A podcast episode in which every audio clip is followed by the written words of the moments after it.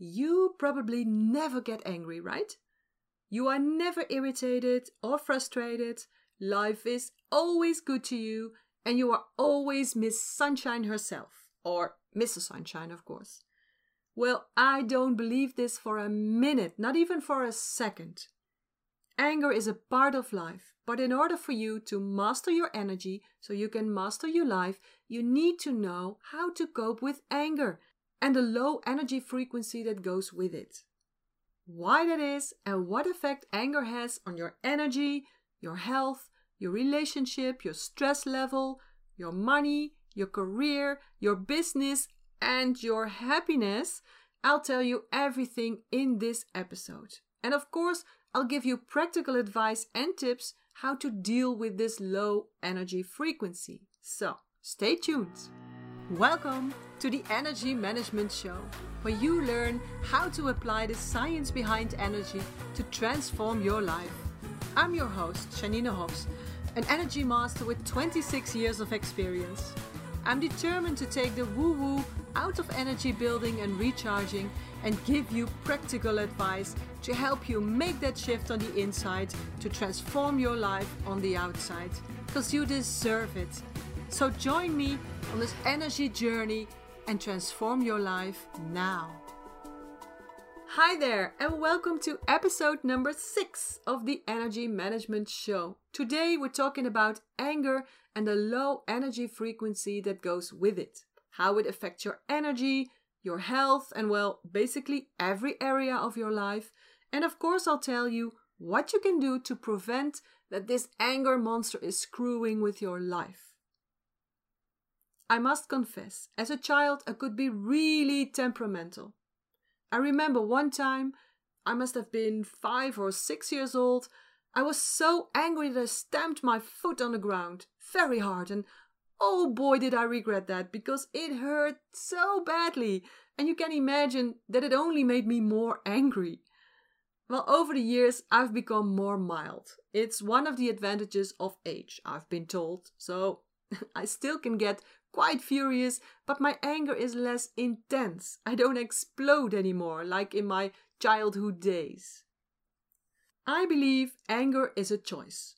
There's nothing wrong with being angry. In fact, if you are never angry, you might be letting everybody overstep your boundaries. Being angry for a moment and then taking the right action can be very healthy. But after this, it has to be over and it has to follow a period of calmness and rest in which your body and your energy can be brought to balance again. Being angry creates stagnation in your energy and stress in your body. Chemically speaking, the anger and irritation immediately changes a lot in your body. First of all, the sympathetic nervous system immediately causes a flight or fight reaction. This causes more tension in your muscles, your blood pressure and your heart rate will rise, your digestion slows down, and therefore also your fat burning too, ladies and your immune system will decrease as well. After this, cortisol is produced, which reduces the production of other hormones too. All that fun stuff happens when you are angry. And this is only the beginning of a chain of chemical reactions that, if it continues, can cause you a lot of problems both physically and mentally. When we look at anger from an energy point of view, or irritation or frustration because it's all the same energy frequency, anger is an emotion that affects your wood energy. If there is an imbalance in your wood energy, you will be irritated more quickly, and vice versa. If you are angry or irritated, this will affect your wood energy. Anger, but also irritation, agitation, frustration, or even when you tolerate something, causes an immediate stagnation in your wood energy. And that's not funny because it causes you some nasty problems. For example, stagnation in your wood energy causes neck and or shoulder problems. It could cause tense muscles or PMS or other menstrual problems. It could give you eye problems and also headaches or even migraines. And a stagnation in wood energy can also give you too much toxins in your blood. and then you will see it on your skin. Stagnation in wood energy can also reduce your earth energy, so you can get symptoms like tiredness, bruising, digestive problems, weight problems, having a sweet tooth. You also will tend to think too much about everything, to overthink, and you'll start worrying about everything and so on. Stagnation in wood energy can also make it harder for you to plan and organize as well as you could before. You could lose your ability to have a good long term vision, an overview of your work and life. All very nasty signs of stagnation in your wood energy. But on top of this, it's also a fact that anger attracts anger. That's the law of attraction. That's because energies of the same vibration or frequency attract each other. And I could fill a whole episode with just explaining this energy law to you, but for now you have to trust me on this. If you are in the energy frequency of anger, and remember irritation, agitation, frustration, or even tolerating things will put you in the same energy frequency. So, if you are in the energy frequency of anger, then you will attract angry people and situations in your life, your job, or your business. And that will bring you even more anger, no matter how many wonderful affirmations or mood boards you have. In short, being angry from time to time is healthy, but anger that lasts too long, is too intense, or that is suppressed will cause you health problems. And you will attract nasty people and situations in your private or business life. Now, how to get rid of this anger energy frequency? In our society, it is weird when you express your anger. They quickly think that you're a little cuckoo or not susceptible to reason, or they will even find you a bitch. Especially women are conditioned not to be angry from an early age on. We are encouraged to be nice, beautiful, and quiet, and, and smile friendly.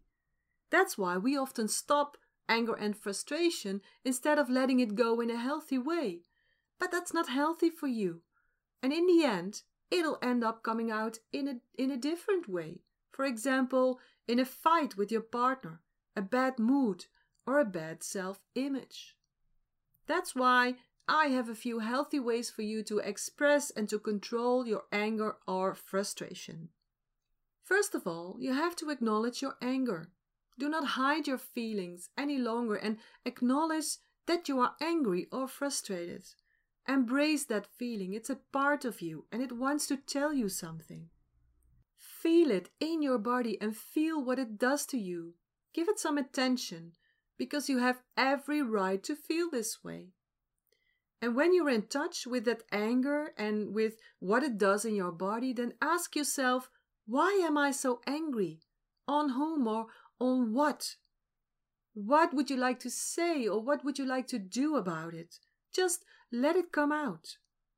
Because that's what I would advise, advise you. Bring your anger out into the open.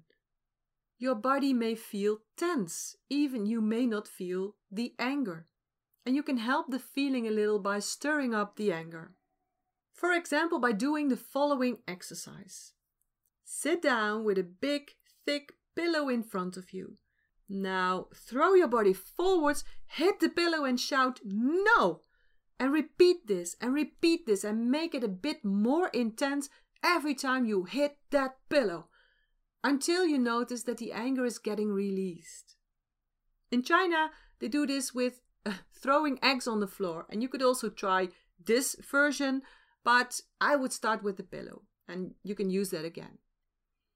After you invite your anger to surface, it's very important that your system calms down again and that the chemicals generated by the anger are removed from your body. And of course, I have a few tips and exercises for that too. Like movement. Go move your body. Anger always stores its low energy frequency in the wood element, so in the energy systems of your liver and gallbladder. You will also notice that with anger you have more tension in your muscles. Moving your body is therefore essential to get the anger and frustration in motion and to get it removed from your system. So go for a little walk, do some stretching exercises, or a body scan in which you gently tighten and relax every part of your body. Another good tool is your breath. You will notice that when you are angry or frustrated, your breathing becomes faster and more shallow. This actually puts you in a state of mild hyperventilation, and that's not very healthy. An easy way to calm down your body is to slow down and let your breathing get deeper. Try breathing in slowly through, through your nose in four counts and then slowly out again through your mouth in eight counts. This will definitely help you. The following tool might feel a little strange to you, but it's a really, really good technique, and that is sound. It's a very effective way to remove that low energy frequency out of your system. Through the vibrations in the sound, your energy will start to move and a stagnation can be solved. Especially the hissing sound, shh, will help you to release anger from your liver energy system. Just try it out and you will see. Another good tool is writing. It's a perfect way to express and immediately process your feelings. So grab a piece of paper and a pen, and yes, I mean the old fashioned way, and just begin. Just write, I am angry because. And keep writing without stopping. You don't have to worry about dots and capitals, just keep writing. Don't worry about what you exactly write because nobody will ever read it. It's for your eyes only. Write until there's nothing left to write, and then finish by stating how you want the situation to end. So finish it with a positive vibe. And my final tip for today are two energy points that you can use, you can stimulate them to calm yourself down and to feel good again. I've put them in a PDF for you, and you can find the download link at janinehofs.com forward slash six, the number six. But they're pretty easy to find. The first one is located in the center of the palm of your hand, in the middle. Just rub this point in both hands if you feel angry or annoyed. That's easy, right? And the second point is located on the outside of the nail of your middle finger and this point can just be hold firmly. You will hold both, both sides of the nail for a soothing effect. And again, download the pictures at janinehofs.com slash 6 if you want to make sure that you have the right spots. And because I'm a water energy type, I like to give you a lot of practical advice and tips. So, as a bonus for this episode, you can download a very special meditation for free to help you deal with anger and other strong feelings. It's a very special and wonderful meditation, so grab this bonus right away. You can find it at janinehofs.com slash 6. Somewhere in the show notes on this page, you will find a download link to this wonderful meditation.